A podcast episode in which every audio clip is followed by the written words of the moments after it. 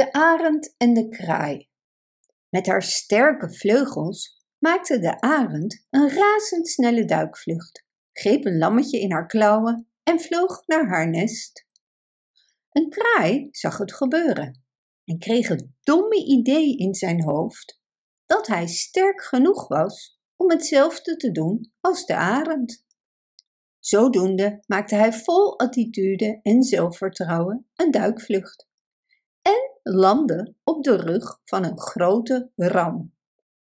Maar toen hij probeerde om met de ram weg te vliegen, merkte hij dat hij niet weg kon komen, omdat hij met zijn poten in de wol van de ram verstrikt was geraakt. En ondertussen had de ram amper door dat de kraai op zijn rug zat. Een herder zag de fladderende kraai en had direct door wat er was gebeurd. Hij rende naar de kraai toe en knipte zijn vleugels eraf.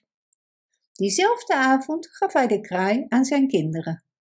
Wat een gekke vogel is dit, zeiden ze lachend. Hoe noem je deze vogel, vader? Dit is een kraai, kinderen. Maar als je het hem vraagt, dan zegt hij dat hij een arend is. Bedankt voor het luisteren. Wist je dat je dit verhaal ook op onze website ririro.com/nl kunt lezen, downloaden en printen?